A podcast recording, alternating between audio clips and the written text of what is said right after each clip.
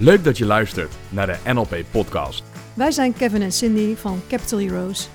En wij leren je in onze opleidingen en in deze podcast alles over NLP en persoonlijk leiderschap.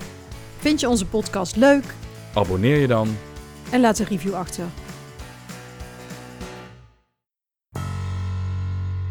Overtuigingen. Ja, daar gaan we het vandaag over hebben. Wat zijn ze? Wat zijn ze niet? Wat moet je ermee? Wat moet je er eigenlijk niet mee? Poeh. Nou, ja. Daar valt heel wat over te zeggen. Daar valt heel veel over te zeggen over overtuigingen. Maar ik ben wel ervan overtuigd dat dat een heel interessant onderwerp gaat worden. Jeetje, wat, wat kun je dat toch leuk, hè? Nu al, hè? Nu al. nou ja, we hadden het er net even over van een podcast over overtuigingen. Eh, ja, die wordt waarschijnlijk heel lang, ehm, want er is veel over te zeggen. Ja, we, ik denk ook niet dat we de illusie moeten hebben dat wij daar vandaag alles over gaan zeggen wat er over te zeggen valt. Maar laten we gewoon een start maken en uh, eens kijken hoe lang of hoe ver we binnen een half uurtje of zo uh, kunnen komen. Um, met het beantwoorden van een aantal vragen die we uh, een klein beetje van tevoren hebben bedacht. Um, die jij misschien zou kunnen hebben als je hier naar luistert. En um, ik denk de allerbelangrijkste vraag waar we misschien naartoe kunnen werken in deze podcast is: ja, als je nou overtuigingen hebt die je belemmeren, die hebben we eigenlijk allemaal wel tot op zekere hoogte, denk ik. Um, hoe kan je daar dan bewust van worden, van welke dat zijn? En ik denk misschien nog wel de belangrijkste vraag is: ja, hoe kom je er vanaf? Of hoe, Ja. hoe verander je die? Hoe verander je overtuigingen nou? Ja, Ja, en dat, dat brengt ons denk ik wel ehm, bij een eerste vraag die we misschien moeten beantwoorden. Eh, wat zijn overtuigingen nou eigenlijk? Mhm. Ehm, ja en, en misschien ook wat is het verschil tussen een, een gedachte en wanneer wordt een gedachte nou eigenlijk een overtuiging? Ja. Ja. Ja, want wij hebben daar wel eens over nagedacht, ook richting eh, NLP natuurlijk en wat we in coaching doen en in onze trainingen doen. Ehm, volgens ons een overtuiging ehm, dat wat je gelooft en dat wat vooral ook toekomstig gedrag gaat sturen. Ehm, dus een overtuiging is wat dat betreft, als je kijkt naar een gedachte, ehm, zit het verschil daarin dat het toekomstig gedrag gaat sturen. Ja, wat kan je uitleggen wat je daarmee bedoelt? Nou ja, dat denk ik wel. Ehm, stel je voor dat je gelooft dat je niet goed genoeg bent. Eh, dat is een overtuiging die komen we nog wel eens regelmatig tegen in coaching. Ehm, dus je gelooft, ik ben niet goed genoeg. Dat zou het toekomstig gedrag kunnen sturen. En met toekomstig gedrag bedoel ik dus eh, de keuzes die je in de toekomst gaat maken over ehm, de beslissingen die je neemt, of die je juist niet neemt, of de acties die je gaat ondernemen of juist niet gaat ondernemen. Ehm, dus als ik zou geloven dat ik niet goed genoeg ben, zou ik bijvoorbeeld ehm, mezelf nou eh, niet inschrijven voor een skicursus, want ik ben het toch niet waard. Terwijl als ik zou geloven ik ben wel goed genoeg, zou dat juist kunnen betekenen dat ik wel mezelf inschrijf voor zo'n skicursus. Ja. Nou, linksom of rechtsom, hè, in dit geval is het een belemmerende overtuiging of een krachtgevende overtuiging. Ehm, dit zorgt ervoor dat dus toekomstig gedrag ehm, voorspelbaar wordt. Ja, en, en dan denk ik ook meteen aan het eh, hele idee van de self-fulfilling prophecy. Hè? Dus dat Ja. betekent eigenlijk dat als je die overtuigingen hebt, hè, die belemmerende overtuiging, en die stuurt vervolgens je gedrag, waardoor je bepaalde dingen niet gaat doen, daarmee bevestig je constant eigenlijk en bewijs je eigenlijk constant aan jezelf dat die overtuiging dus ook klopt. En daarmee wordt die eigenlijk steeds sterker. dan wordt hij steeds meer waard. En Ja. als je dan ehm, een beetje inzoomt op de breinverbindingen. Hè, ehm, we leggen daar in onze trainingen wel eens uit van... ehm, een verbinding is zo gelegd. Mhm. Je hoeft maar een bepaald... ja, een, een gebeurtenis te hebben, daar moet een gevolg aan zijn. Ja, en ons brein gaat daar heel snel in mee. Maar om effectief dat te bestendigen, is training nodig. Mhm. Dus het goede nieuws is, als je heel goed bent geworden in het doen van een belemmerende overtuiging, is die breinverbinding gewoon heel sterk. Eh, en het goede nieuws daaraan is, als je dus heel sterke breinverbindingen kunt maken, kun je ook andere verbindingen maken. Bijvoorbeeld met een krachtgevende belemmeren, Ja. belemmering. Ja, want als je één keer een gedachte hebt eh, op basis bijvoorbeeld van een ervaring, bijvoorbeeld je, je, je doet iets en je denkt, oh shit, dit heb ik niet goed gedaan of eh, hè, dit, dit kan ik niet, dan heb je misschien een gedachte van, hé, hey, dit kan ik niet. Ehm, maar wanneer wordt, dan, wordt het dan een belemmerende overtuiging die je in het leven, ja, bij wijze van spreken, misschien wel op onbewust niveau met je meedraagt en die ervoor zorgt dat je bepaalde dingen niet gaat doen of Mhm. eh, ik ben dan wel benieuwd of we uh, daar iets zinnigs over kunnen zeggen. Van hoe vaak moet dan zo'n, uh, hè, die, die neuronen die dan met elkaar verbonden zijn, hoe vaak moeten die dan bij wijze van spreken afgevuurd worden um, voordat het ja, is, een overtuiging is geworden? Ja, die vraag die hebben we natuurlijk wel eens ook een aantal keer in de opleiding gehad. Hè? Dus daarom kom je daar denk ik ook bij. Mm -hmm. um, als je kijkt naar de boeken, um, ontstaat een overtuiging door um, voornamelijk het generaliseren van een gedachte. Dus wat gebeurt er als je daar een stappenplan aan zou willen verbinden? Er is een bepaalde gebeurtenis. En die gebeurtenis die heeft een bepaald gevolg. Um, vervolgens zou je dat gevolg kunnen wegen voor jezelf, hoe belangrijk dat is. En binnen NLP noemen we dat criteria. Um, dus als het nou heel belangrijk voor je is, dan krijgt zo'n gebeurtenis en zo'n gevolg krijgt voor jou een betekenis. En die betekenis, dat is vaak wat wij gedachten noemen. Um, gaan we die betekenis generaliseren, dus ja, universeler maken voor jezelf, uh, dan wordt het vaak een overtuiging. En een voorbeeldje, en ik vertel het in de les wel eens. Uh, ik was vroeger, vond ik verwarming een beetje spannend. Er was namelijk iets gebeurd en dat had een bepaald gevolg. Um, dat deed mij heel veel pijn. En vervolgens, uh, dat is mijn criterium in ieder geval, dat ik pijn niet zo heel fijn vind. Dus de betekenis was, ik wil die pijn niet meer voelen. En mijn generalisatie was dan vervolgens, ik vind verwarming heel eng. Mm -hmm. Ja, dat klinkt een beetje vaag. Misschien moet ik erbij vertellen dat ik gewoon met mijn tong tegen een verwarming aan had gezeten. Ja. Um, maar, tegen een kachel, hè? Ja, tegen een kachel, zo'n oude gaskachel. Ja. ja. Uh, dus dat is hoe zo'n overtuiging eigenlijk ontstaat. Dus er gebeurt ja. iets, tong tegen gaskachel. Het gevolg is auw. Criterium is, ik wil geen pijn hebben. Betekenis is, hey, die kachel heeft mij pijn gedaan. En de generalisatie daarin is dus, alle kachels zijn eng. Ja, en, waarom en dat voor... is dan de overtuiging. Ja, omdat ja. dat toekomstig gedrag dus beïnvloedt en stuurt. Namelijk, ik vermijd kachels en verwarmingen. Mm -hmm. Nu niet meer, want nu zitten wij lekker warm bij hier. Maar ja. uh, dat was toen de overtuiging. Ja, precies. Ja, ja. Ja, want ik vind het wel ook uh, interessant om eens uh, te kijken naar als je dan zo'n overtuiging hebt. Hè, bijvoorbeeld, ik kan het niet, of jij zei net van, hè, die wij ook vaak horen, ergens op een genoeg. diep niveau van ja. ik ben niet goed genoeg. Dat is, dat is niet vaak, de, dat is niet altijd waar mensen bij ons mee binnenkomen. Omdat het vaak ook wel wat dieper zit, zo'n overtuiging. Um, en dat het dan ook wel interessant is om, um, hè, zo, zo, ik kan het niet of ik ben niet goed genoeg. Er zijn eigenlijk gewoon drie, vier, vijf woorden in een bepaalde volgorde. Waar een hele wereld aan betekenis onder zit voor ja. die perso persoon. Hè. Dat is ook misschien een beetje wat jij uh, net bedoelde toen je het had over dat generaliseren. Um, ja, is dat eigenlijk zo'n zo'n zin als ik kan het niet.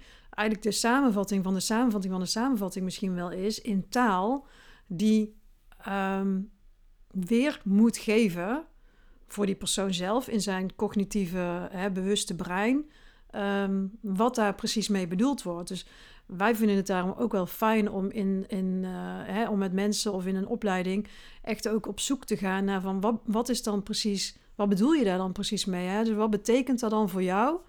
Um, als je zo'n overtuiging hebt, of als je dat, ja, als je daar voelt, of als je daar uh, mee geconfronteerd wordt. En dan hebben we natuurlijk bijna eigenlijk alleen maar over belemmerende overtuigingen. Hè? Want er zijn weinig mensen die bij ons komen die zeggen: Goh, ik heb nou zulke fijne, krachtgevende overtuigingen. wil jij, mij daar alsjeblieft, nee. wil jij mij daar alsjeblieft van afhelpen? Um, daar horen we heel weinig. Maar die, dat het dan ook wel zinvol is, ook, ook voor ons als coach dan, hè, of als trainer, om niet meteen uh, te denken dat je snapt wat er bedoeld wordt met uh, ik kan het niet of uh, ik ben niet goed genoeg. En dat dat uh, als wij met elkaar aan het praten zijn en jij zegt van ja, nee, eigenlijk ben ik daar gewoon niet, ja, voel ik me gewoon niet goed genoeg. En ik heb die, ook die overtuiging en ik herken dat bij jou en bij mezelf, dat we dan denken dat we over hetzelfde aan het praten zijn. Dus dat is denk ik ook, hè, zeker voor mensen die met andere mensen werken of die mensen, uh, mensen coachen, dat, uh, dat die woorden eigenlijk, ja, bij wijze van spreken, Robert Dilt zegt wel eens, dat zijn de labels op de koffers. Dat je die koffers moet openen en moet gaan onderzoeken van wat, ja, wat bedoelt iemand daar precies mee en wat zit daar allemaal achter, om uiteindelijk ook een verandering te kunnen aanbrengen in die overtuiging. Want misschien zit hij bij jou wel op een heel ander punt dan bij mij. En kun je zeggen, ja, ja, we hebben dezelfde overtuiging. Um, maar de vraag is of dat of die overtuiging Ja. ook al klopt. Ja, het zijn in ieder geval dezelfde klanken die we eraan gegeven Ja, hebben. precies. Ja. Dezelfde letters met spaties en zo, je weet wel. Interpunctie, niet. Interpunctie, super belangrijk. Nou ja, en dat, dat, dat nodigt ook wel uit, denk ik, wat jij zegt in, ehm, in ons advies om ehm, niet meteen advies te geven. Ehm, omdat, ja, wat jij zegt is dus, we kunnen eigenlijk niet begrijpen wat die wereld betekent daaronder. We snappen misschien de klanken, we snappen die interpunctie en die letters misschien nog wel. We hebben daar onze eigen gedachten nog wel over. Maar wat we heel vaak zien, eh, ook bijvoorbeeld in NLP coachopleiding, is dat beginnende coaches die, ehm, die, die branden van verlangen om dan hun adviezen maar te geven als een richting voor de oplossing. Terwijl ja, als je niet weet wat daadwerkelijk het, hè, tussen aanhalingstekens, het probleem is, ja, hoe kun je dan in godsnaam advies geven? En nog veel belangrijker, eh, je ontneemt mensen daarmee, denk ik, het leerproces of überhaupt het proces om te leren hoe ze zelf tot die oplossing kunnen komen. Ehm, en zeker als je, het, als je het gaat hebben over hoe, hoe kun je nou belemmerende overtuigingen, hoe kun je daar nou op een andere manier mee omgaan, dan is dat denk ik een belangrijke component. Namelijk niet meteen advies geven van, ach, jij bent toch wel goed genoeg, je kunt toch heel veel. Mhm. Ja, daar lost volgens mij niet zo heel veel op. Nee.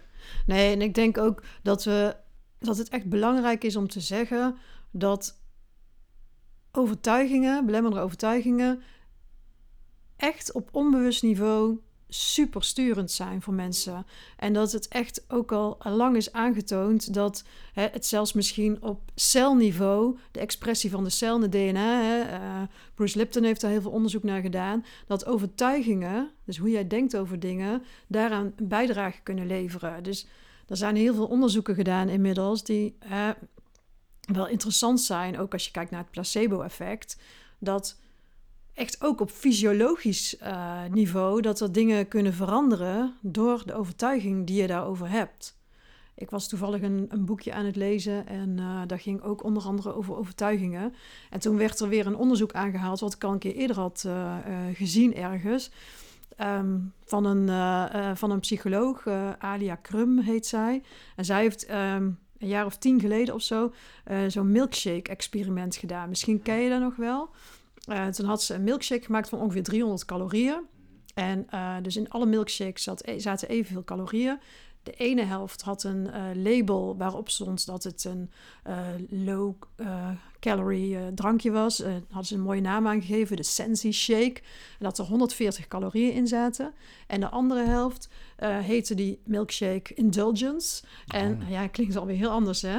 En er stond op dat er wel veel suiker en vet in zat. En dat zo'n eh, milkshake eh, 620 calorieën bevatte. Voordat jij verder gaat, hè. Nu heb jij die naam gezegd, in de indul- indulgence. Mhm. En heb je beschreven. Ik heb meteen een associatie met een heerlijke luxe... Heb je ook smaak in je mond? Ja, maar dat wou ik zeggen. aanmaken. Ja, Ja. maar dat.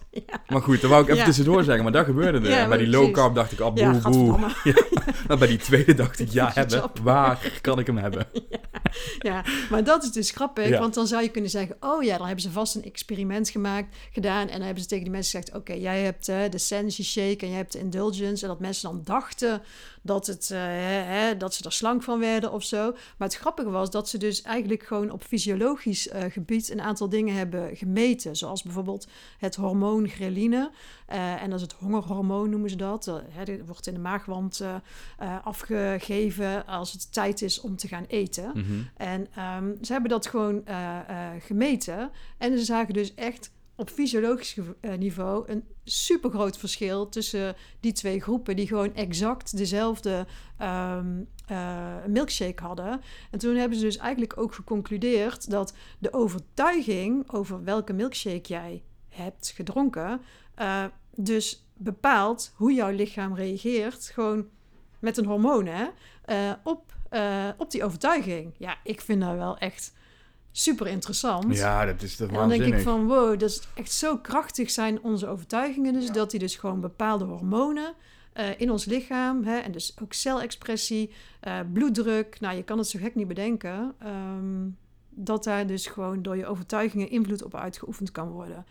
En dan denk ik, ja, oké, dus we moeten overtuigingen, de kracht van overtuigingen wel echt serieus nemen. Ja, en ik vind hem ook interessant, want je zou je kunnen zeggen van ja, supergoed. Ehm, maar werkt het dan ook als je weet dat het een placebo is? Nou, Mhm. dus ja. Eh, onze vrienden Bendler en Grinder hebben daar toen een keer een experimentje over gedaan. Hè? Die brachten Ja. een pilletje op de markt. En daar, ik, ik, jij weet, weet jij nog hoe het heet? Ja, ja, ja de, nou, de pilletje ze, hadden ze bedacht, dan moet dan een, een klein glimmend rood pilletje zijn, Ja. want die werken nog beter Ja. dan eh, van die dikke witte vitamine-achtige pillen. En dan hadden ze op het etiket eh, hadden ze gezegd eh, placebo. Ze werken niet voor iedereen, maar misschien wel voor u. Ja. Dat is toch hysterisch? Ja, dat vonden wij heel Ja, grappig. dat het gewoon hysterisch is. En eh, uiteindelijk ging volgens mij de DEA ging ervoor liggen of zo. En daar mochten ze niet op de markt brengen, want Ja. er was dan allemaal gevaar. Er zat niks in. Het waren lege capsules. Ja. Ehm, maar ja, dat dat dus ook wel een effect heeft. Ja. Ehm, daar zit hem dus in de kracht van je overtuiging. Ja.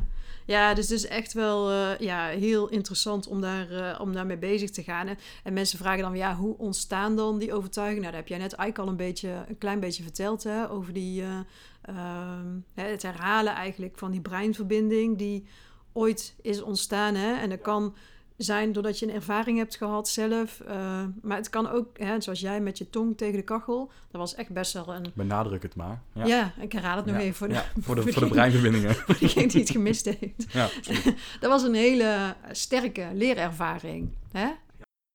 Au is over het algemeen een vrij sterke leerervaring. Ehm, maar het kan ook zo zijn dat je een overtuiging hebt die niet eens per se door een eigen overtuiging eh, eh, ontstaat. Maar gewoon doordat je die, bij wijze van spreken, in je opvoeding meekrijgt. Ehm, misschien kan je ze zelfs wel erven van je ouders. Er, er zijn ook al best wel wat onderzoeken daar eh, in die richting. Maar het is niet zo, want sommige mensen zeggen, ja, ik weet helemaal niet hoe ik eraan kom aan al die ellende.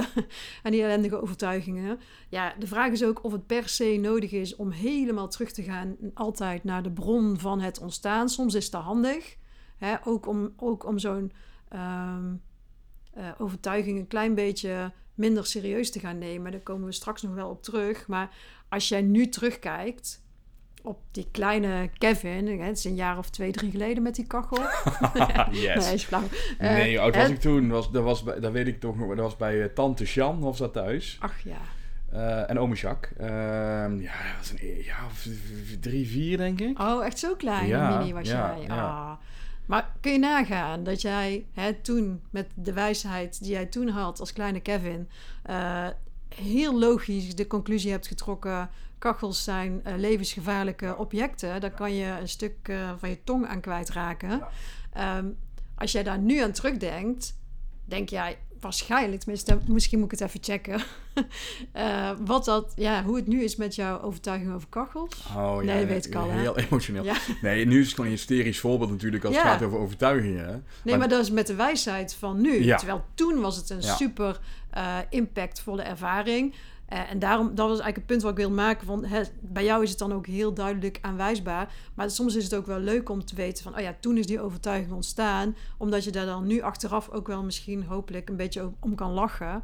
Eh, en daarmee, ehm, ja, die, die overtuiging...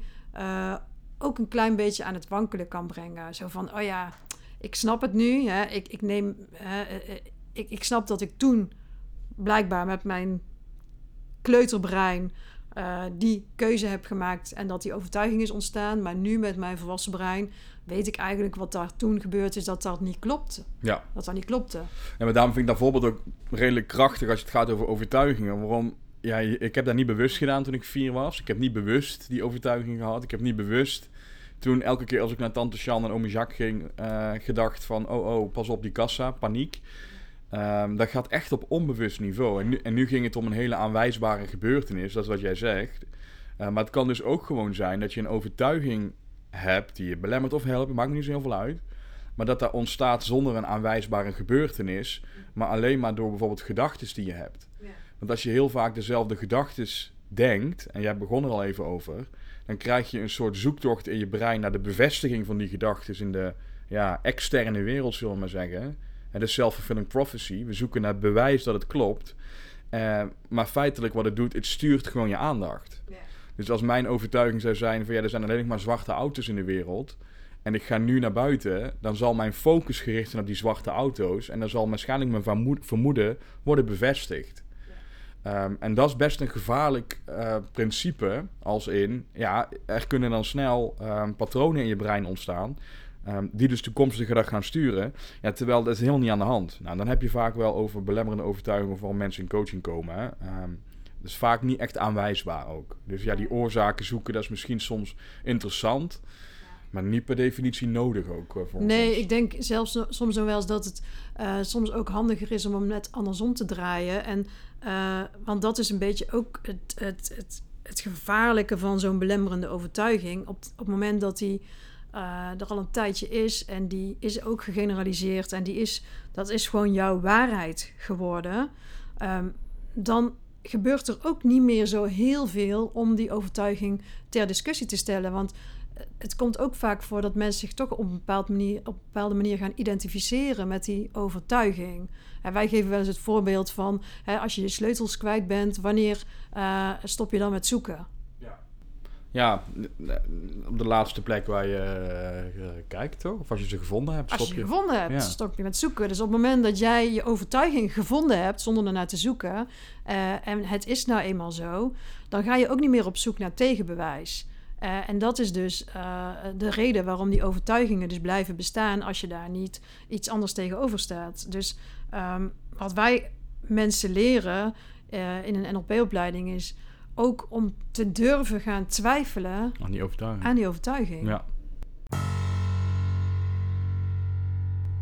Ja, en voor die uh, luisteraars uh, uh, die dan niet in de NLP-opleiding zitten, of nog niet misschien, um, hebben we een, een handige tip, of meerdere tips misschien wel, hoe zij zelf aan de slag kunnen met overtuiging alvast? Ja, nou, wat gewoon heel makkelijk is, is om bijvoorbeeld de methodiek van Byron Katie erbij te pakken. Oh ja. Hè, zij was een aantal jaren geleden in Amsterdam en um, heel veel mensen kennen haar inmiddels zo, omdat zij beroemd is geworden met haar methodiek. Die heet ook echt letterlijk The Work en dat bestaat uit vier vragen. Um, en het begint misschien ook wel gewoon met een vraag stellen aan jezelf. Hè? Wij zeggen er ook eens, als je betere antwoorden wil, dan moet je betere vragen leren stellen. Ja. En um, op het moment dat jij durft te gaan twijfelen aan die overtuiging, dan ontstaat er ook ruimte en, en meer opties. En dat is eigenlijk wat we mensen altijd willen leren, is dat er als er ruimte ontstaat aan meer opties en je brein snapt dat, dan kan die ook op zoek gaan naar, uh, naar alternatieven. Dus um, Byron Katie die, uh, uh, was een hele lange periode zwaar, zwaar depressief. ze kwam haar huis niet meer uit. Ze was een soort kastplant geworden. En um, nou, het ging helemaal niet goed met haar. En dat kwam doordat zij allerlei hele negatieve overtuigingen over zichzelf had, maar ook over anderen en over de wereld. En um, nou ja, haar verhaal is dat zij op een dag de grond van de badkamervloer lag in al haar ellende. Uh, en toen dacht van, uh, ja, uh, alles is kut of zo. Nou, ik weet niet precies letterlijk wat zij dacht. Maar dat er toen een vraag in haar opkwam. Een vraag die zij aan zichzelf nog nooit eerder had gesteld. En dat was eigenlijk de vraag: is deze overtuiging waar? En haar eerste reactie was eigenlijk: ja, mijn eigen overtuiging is waar. Dat wat ik denk, dat klopt gewoon. Hè? Dat, dat, is ook wat onze, hè, dat wij vaak horen als wij aan mensen vragen: van ja, is het eigenlijk wel waar wat jij denkt? Ja, ja, nee. Dan zijn mensen echt wel overtuigd. En haar tweede vraag is dan: kun jij absoluut 100% zeker weten dat deze overtuiging waar is? En dan ontstaat er een klein beetje ruimte. Ja. Want wie kan überhaupt iets absoluut 100% zeker weten in deze wereld? Nou, misschien iets in de wiskunde of zo. Ja, daar heb ik niet zoveel verstand van. Maar daarbuiten is er niet zo heel veel wat 100% absoluut zeker waar is. Dus daar gaat je brein ook al een klein beetje twijfelen. Vervolgens is haar derde vraag, want haar, haar haar voorspelling is dat dat je op vraag 2 toch een beetje gaat wankelen. Dus dat je bij vraag 2 hè, kun je absoluut zeker weten dat die overtuiging waar is. Dat je toch een beetje zegt, ja, nou... Mm, niet altijd. Niet altijd. Precies. Nou, en dat is, dat is precies ook de reden waarom we die vraag willen stellen.